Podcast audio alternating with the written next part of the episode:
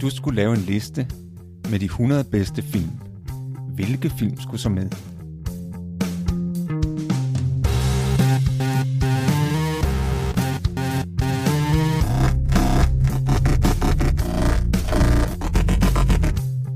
Hej, jeg hedder Morten. Og jeg hedder Thomas. Lyt med, når vi taler om vores liste med de 100 bedste film.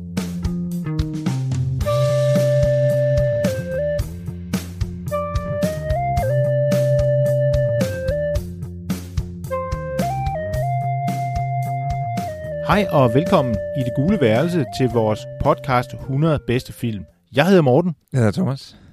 Vi er nået til film nummer 98 på vores liste over de 100 bedste film, og det er filmen Doctor Strange fra 2016. Den er instrueret af Scott Derrickson. Ham kender vi jo fra filmen The Day the Earth Stood Still fra 2008, som vi tidligere har talt om.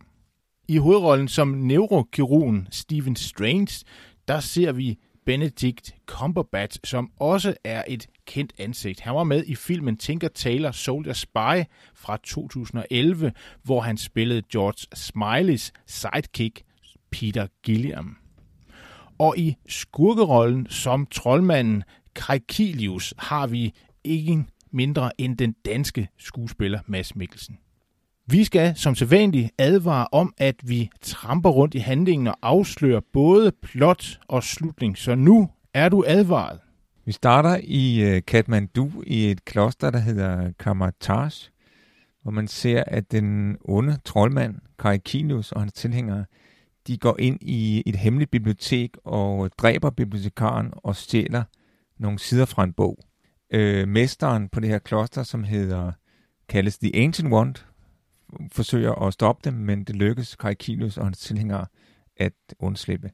Øh, så skifter vi til USA, hvor man ser øh, den succesfulde, men arrogante neurokirurg øh, Stephen Strange komme ud for en ulykke, hvorved øh, at hans, hans hænder bliver skadet, så han ikke kan arbejde som kirurg længere.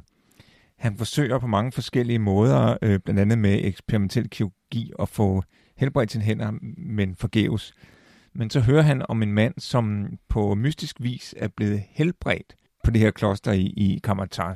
Så øh, Dr. Strange, Stephen Strange, han øh, rejser til Kamataj i, i håb om, at han også kan, kan opleve en, en tilsvarende helbredelse. Og han møder øh, mesteren, øh, The Ancient One, og deres første møde er ikke helt vellykket. Men det ender med, at han bliver øh, accepteret som elev af, af The Ancient One og begynder at studere og, og lære magi. Og han bliver efterhånden en dygtig troldmand, og han lærer blandt andet at bøje tiden ved hjælp af en mystisk genstand, som kaldes Agamottos øje. Han får også at vide, at der er tre steder på jorden, øh, såkaldte sanctuaries, der fungerer som skjold og beskytter jorden mod øh, mørke kræfter, og de befinder sig altså i London, i New York og i Hongkong. Den onde troldmand Karakilius, han bruger de stålne sider fra bogen til at kontakte øh, en slags dæmon kaldet Dormammu, som hersker over den mørke dimension, hvor tiden ikke eksisterer. Karkilius, han begynder at angribe de her sanctuaries. Han, han øh, ødelægger øh, sanctuaryet i London og angriber derefter øh, sanctuaryet i New York, men hvor det lykkes Dr. Strange at, at afværge angrebet, og der, og der øh, finder Dr. Strange også det, der skal blive hans særlige våben, nemlig The Cloak of Levitation. Men The Ancient One bliver dødeligt såret i den her kamp og, og dør lidt senere.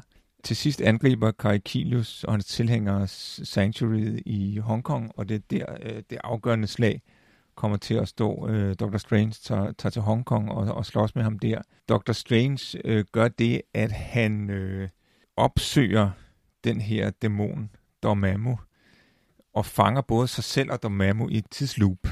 Øh, og på den måde kan han tvinge eller afpresse Dormammu til at forlade jorden og at tage Karikilus og hans tilhængere med sig. Dr. Strange er jo en, øh, en af, af superheltene fra, fra Marvels tegneserieunivers, og han optræder første gang i, i 1963, så han er en, øh, han er en gammel, gammel herre som karakter. Øhm, 1963, der er vi så midt i den amerikanske tegneseries sølvalder, som strækker sig fra 56 til 70 deromkring. Og der har vi jo en af amerikanske tegneseriers Grand Old Man, der døde for ikke så mange år siden, nemlig Stan Lee, som var en af dem, sammen med tegneren Steve Ditko, som skabte tegneserieudgaven af Doctor Strange. Det var også, øh, det var også dem, der stod bag Spider-Man. Så, øh, så det er jo de, en af de helt store. Men øh, i, i filmen, og det ved jeg ikke, om du lader mærke til, Thomas, der ser vi faktisk Stan Lee i en cameo, hvor han som passager i en bus sidder og læser i en bog.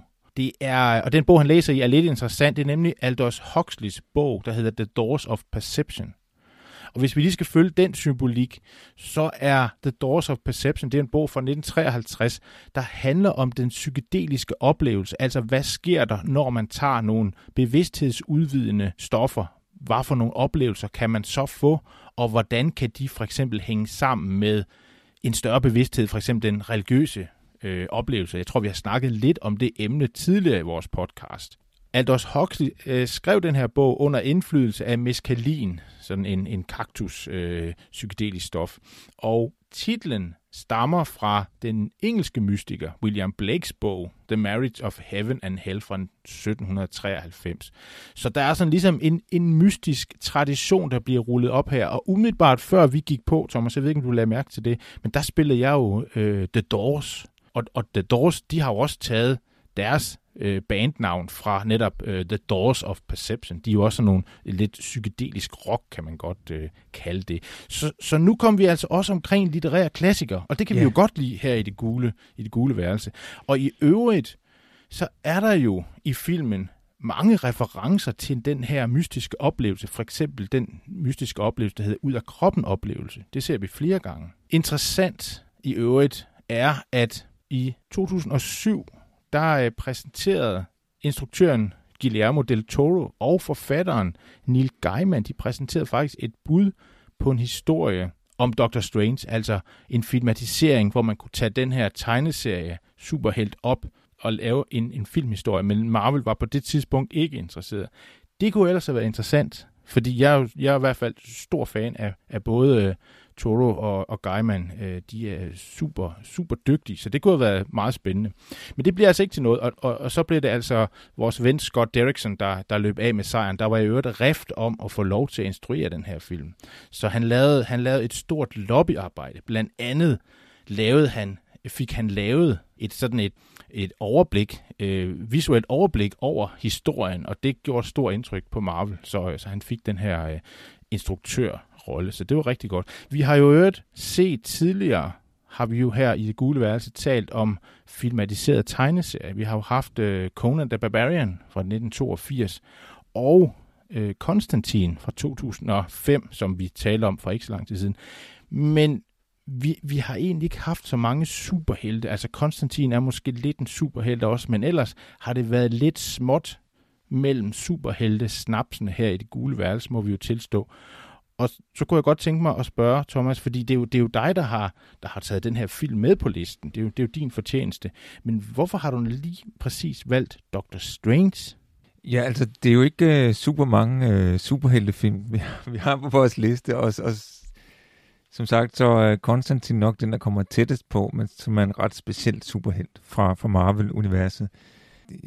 Superheltefilm er ikke min favoritgenre. I hvert fald ikke sådan nogle traditionelle superheltefilm. Jeg kan godt finde på at se superheltefilm, men, men det er mest som sådan en tidsfordriv. Det, det er sjældent, jeg tænker, at sådan, ej, det var vel nok en stor filmoplevelse, og øh, det var da et stort kunstværk. det kan godt være underholdende, men det er sjældent, jeg sådan vil anbefale superheltefilm som sådan eksempler på øh, filmiske mesterværker. Der, der er et par, som jeg... Altså, der, der er to ting ved den her film, som, som gør den speciel. I hvert fald, altså dels så har vi jo et tidsparadoks. og det er vi jo altid glade for. Det kan vi jo godt lide. Det har vi jo haft adskillige gange ja. før. Af, af forskellige karakterer. Præcis, ikke? Fordi det er jo hans specielle evne, Dr. Strange, at han kan bøje tiden, ikke? Så er det jo også en oprindelseshistorie. Ja, og, og hvad er det, hvad er det, der, det, der, der, hvad er det, en opri- hvad er det, det dækker ja, det er, det er jo, når du får vide, fordi altså, der er jo masser af superheltfilm, hvor man bare ser helten øh, slås mod nogle skurke, som ofte er nogle superskurke. Ikke? Men det er jo ikke altid, at vi får ligesom, forhistorien, altså får at vide, jamen, hvordan blev han til den her superhelt? Og det synes jeg er vigtigt, og, og, og som underkategori er det nok den, jeg foretrækker. Altså hvis jeg skal nævne et eksempel, så øh, der er lavet masser af Batman-film af, af svingende kvalitet, ikke? og med forskellige øh, skuespillere som Batman. Ikke? Der tror jeg helt klart, at min favorit, det er Batman Begins med Christian Bale i hovedrollen. Det så synes jeg, han er, han er god i rollen som Batman. Men så er det jo også, det er jo Batmans oprindelseshistorie. Så det, den er vigtig, og det er jo den, vi får her med, med Doctor Strange. Øhm, og så er der også en ting, jeg synes er interessant ved den her film. Det er jo det her kultursammenstød, vi oplever, fordi han er jo øh, neurokirurg, det vil sige, at han er læge, ikke? og så han kommer fra en videnskabelig baggrund, og, og, og kommer så og skal lære magi. og det kan nærmest ikke blive større kultursammenstød, fordi det er ikke bare et sammenstød mellem vestlig og østlig kultur, altså den vestlige videnskabelige, materialistiske tænkemåde, og så den østlige mystik.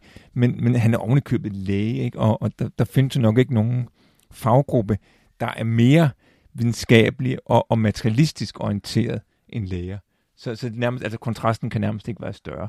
Og det afspejler sig også i hans første møde med The Ancient One, ikke? Hvor, hvor, som ikke går super godt. Altså, fordi at han er jo, at han har fået at vide, at de har en eller anden speciel kur, der måske kan hjælpe ham. Den er, det har været hjulpet en anden mand. Men han har ikke fået sådan specificeret hvad, lige, hvad det går ud på. Og så, så, så han finder ud af, at det ikke drejer sig om en eller anden fysisk behandling, men om altså noget med, med noget åndeligt, der, der har med tro at gøre. Der bliver han meget skuffet. Så siger åh oh, nej, åh oh, nej, altså det er faith healing. Åh oh, nej, altså så er jeg kommet helt forgæves. Altså nej, nej, det holder slet ikke. han kommer jo nærmest fra det, man kan kalde, altså fra videnskab til tro. Og han kommer jo også fra faktisk at have været ekspert og have haft en viden om alt inden for sit felt. Han har vidst alt. Han har været den, der har haft den største viden. Der har ikke været noget, som han ikke har, har vidst. Han har været meget forud for at opdatere på alt, hvad der foregår inden for det her felt. Men så kommer han altså til en verden, hvor han starter helt fra bunden og ved ingenting. Altså intet. Troens øh, mysterier og troens grammatik er helt ny for ham. Så det er jo også interessant, hvordan han netop, og det er jo, altså hvordan han ligesom kommer fra et, et, en verden, han kender, og så kommer han i den grad ud af sin tryghedszone til noget helt nyt. Og det er jo nok ofte det, tror jeg, der sker, når man kommer i den situation, som han gør, at hvor man kommer ud for en alvorlig ulykke og mister sin førlighed, eller på anden måde skal starte på ny i sit liv. Altså hvor man ikke kan lave det, man lavede før, fordi man måske sidder i rullestol, eller man er blevet blind, eller man har mistet en hånd, eller noget andet. Så starter man altså forfra, og den, de kræfter, den vilje, man skal have til at ligesom være indstillet på, okay, jamen jeg, jeg skal nok komme til at, at, at grave viden frem og lave en tilværelse og en karriere og et liv for mig selv inden for et nyt område. Det er jo, øh, der, der skal man virkelig have noget at trække på, og det har han jo. For han er jo en mand, der er ambitiøs i den grad. Ja, og det, og det er jo også derfor, at de, øh, en af grundene til, det alligevel, altså det er sådan en meget øh, morsom øh, scene der, der med hans første møde øh, med, med kloster, hvor mesteren jo, The Ancient One, altså dels så er han jo overrasket over, at det er en kvinde. Han er også sådan lidt mandsjuvenist, ikke? Hvor, hvor han regner med, at det måtte jo være en gammel mand, der var, der var leder af det her kloster, ikke? Og, og så han kommer, så han siger til den her, det, det er vist bare en tjener, som sådan en gammel kinesisk mand, ikke? siger, ja, men jeg er meget taknemmelig for, at du vil møde mig. Og så får de, øh, øh, du vil lige bare, øh, det er hende der, der er mest. så, så, så bliver spillet Tilda Swinton, i øvrigt til en fremragende skuespiller. Ja, hun er, hun er god. Hun er god. Som jeg ikke tror, vi har haft med før. Tror jeg heller ikke. Og, og så, og, og så, øh, så siger han jo alt det her med, jamen ej, hvad er det for noget fisk det her? Altså, øh, og, og hun viser ham sådan et diagram, og det er ligesom det her øh, diagram, som man kender fra kinesisk medicin, der ligesom viser de her, jeg tror det hedder meridianer, ligesom de her energilinjer i kroppen, som man vist også bruger i forbindelse med akupunktur. Jeg tror, de fleste har set det. Og det siger han også, øh, ja ja, det der, det har jeg bare set 100 gange før. En souvenir shop, siger han sådan meget håndigt, ikke? Ja, ja. Og så, så gør hun det, mesteren. Hun giver ham sådan en skub, så han ryger ud af sin krop. Det er sådan ud af kroppen oplevelse. Han får en ud af kroppen. Det er sådan en påtvungen, kan man ja, sige. Ja. Ud af kroppen oplevelse. Og så ryger han bare ud i universet, og det er en helt vildt syret oplevelse. Og, og, og øh, hvad sker der, tænker jeg. det, det var han ikke forberedt på. Og, og så da han kommer tilbage fra den her meget, meget syrede oplevelse, har været ude omkring stjernerne og alt muligt, så siger hun til ham, har du også set det der i en souvenirshop? det er en ret vild oplevelse. Men, men der sker så, så bliver han jo smidt ud, de gider ikke have noget med ham at gøre. Men så, så viser han jo den her vilje, for så sætter han sig ude foran døren. Og det er jo også en tradition, der er i, i, i, i den her, hvad skal man sige, mysterietempel, i hvert fald i sådan, hvis man ser sådan en film om Shaolin-templet, så, så sidder der jo altid sådan en flok uden foran templets porte, der sidder der, jeg tror, de sidder der i ugevis, uden at få noget at spise eller drikke, og i regnvejr og sne. Og, og det er jo for at vise, at de har viljen til at komme ind og lære de her mysterier om, altså med Shaolin handler det jo om, om sådan en kampsport, og, og det er jo lidt det samme her, for de starter med at lave sådan nogle fysiske kampsportsøvelser, hvor de så ligesom kan bygge sådan nogle, noget magi på. De har sådan en bestemt ring, som de kan bruge til at lave de her kraftskjolde på. Og, og det, det går ikke så godt for ham, som det måske gør for de andre, men på et tidspunkt, så bliver han jo også sparket ud igen. Så bliver han taget igennem en dimension op på toppen af Himalaya, eller hvad det er, og så får han bare at vide, øh, du skal selv komme hjem herfra ved at bruge det, du har lært, og så smutter læreren hjem igennem dimension. Og så er han virkelig på den. Ja, det er, jo, det er jo lidt ligesom, øh, at øh, hans ego, kan man måske sige, at, at øh, forhindrer ham i at bruge de her evner, fordi, fordi, sikkert fordi det passer jo ikke med hans tidligere verdensbillede, den her materialistiske tænkemåde. Så han skal virkelig øh, være ude på kanten, for, altså han skal, han, han skal være livsfar, faktisk, hvor, hvor han skal, han bliver tvunget til, han skal være i en situation, hvor han bliver tvunget til at gøre det fordi ellers så fryser han ihjel deroppe på bjergtoppen. Ikke? Så han, han er simpelthen tvunget til at teleportere sig hjem som den eneste løsning. Så må, håber man, man har hørt efter i de der formler, men det klarer han jo. Men det er jo, øh, det er jo også, altså alt det her er jo også, synes jeg, interessant i en superheltefilm, at det er en superheltefilm om at kontrollere nogle kræfter, der er i sindet. Altså, nogle, altså være en, en superhelte troldmand. Og jeg tror, at da den her karakter blev, blev lavet, øh, som vi snakkede om på lidt, lidt tidligere, der, der, der, der er det jo på et tidspunkt, hvor man ligesom har nogle superhelte, men man prøver at finde på nye måder at indtænke superheltekarakteren. Og her er man jo i, i, i 60'erne, er man jo i sådan en psykedelisk verden, hvor man ligesom kigger indad i sindet og ser og, og, og efter, efter muligheder der. Og det er jo oplagt, at man så laver en superhelt, der også er sådan en slags, det er sådan lidt en hippie-superhelt. Wizard, ja. ikke? jo, jo, der. det bliver han, kan man sige. Og, og, og ja, og en superhelt, der har nogle åndelige kræfter, hvor det ikke er bare noget fysisk. Og, øh, det, det er lidt i samme kategori som Konstantin, kan man sige, som jo er et medium. Ikke? Det er nogle åndelige kræfter, han har. Og så er det også det her med, at han jo skal, han skal træne, han skal lære. Det er jo ikke bare noget, sådan, det er jo ikke bare en eller anden, ofte så er det sådan en mutation. Ligesom ved Spider-Man, åh, oh, han bliver bidt en æderkop, og, og så er han jo bare Spider-Man øh, eller, eller Superman, der kommer fra en anden planet. Han, han har jo bare de her kræfter. Det er ikke noget, han skal træne, men det er det her. Det synes jeg også er interessant, hele den her træningsproces, øh, og, og så det her lærer-elev-forhold, som jo er mellem øh, Dr. Strange og, og The Ancient One.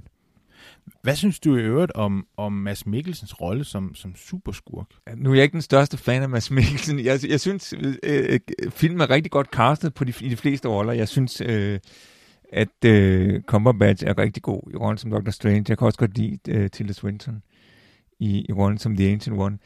Øh, Mads Mikkelsen, jamen altså måske er han meget god, som i, det er nok i skurkeroller, han fungerer bedst. Der, der er en replik, jeg synes er rigtig sjov, som han har, og, og det er jo, da, da Mads Mikkelsen, Kai Kino sidder han, som er den her onde troldmand, ikke?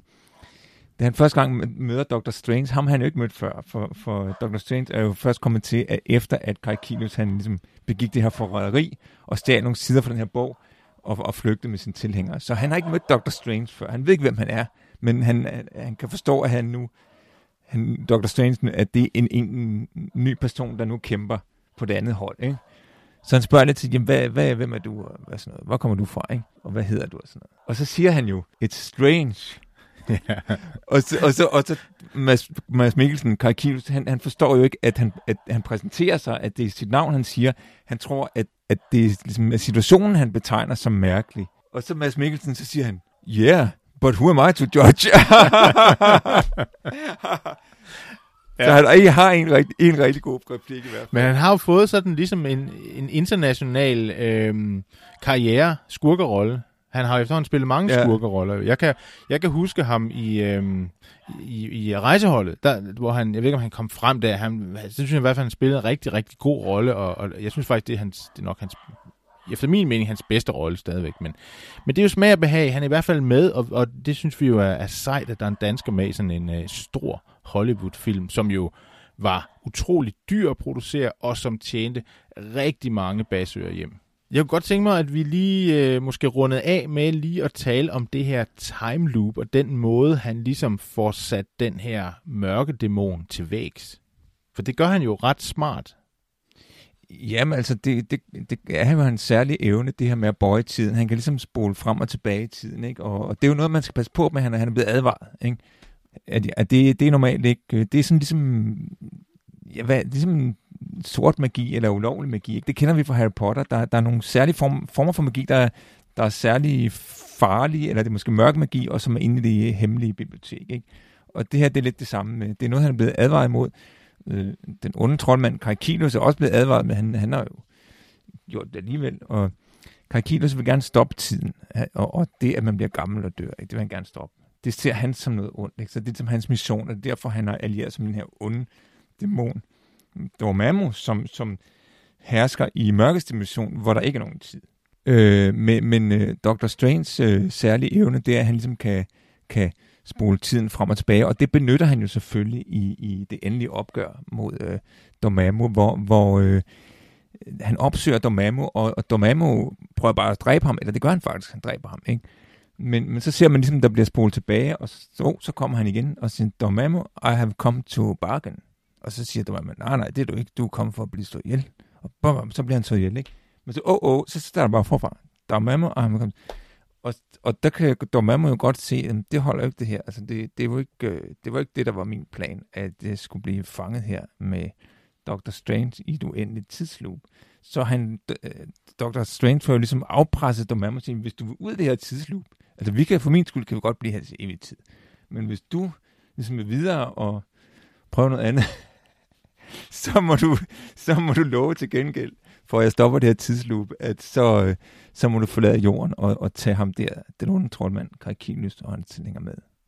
Det er, jo, det er jo klassisk. Det er jo en klassisk måde at lave en aftale med djævlen på, hvor man fanger djævlen på et forkert ord, eller på et, ved hjælp af sproget. Ikke? Og her er det så ved hjælp af tiden, altså en, et tidsloop, som gør, at han ligesom føler sig fanget, ikke? og ikke kan komme ud af det. Det er jo ligesom sådan typisk eventyr, laver man en aftale, ikke? Hvor, hvor man ligesom aftaler og giver sit ord på et eller andet over for det her overnaturlige væsen. Men i den aftale og i den ed, der ligger der altid en eller anden lille klausul eller smutvej, som man kan komme ud, hvor man så har narret djævlen, ikke? fordi øh, sådan er det altid. Og det er det altså også her.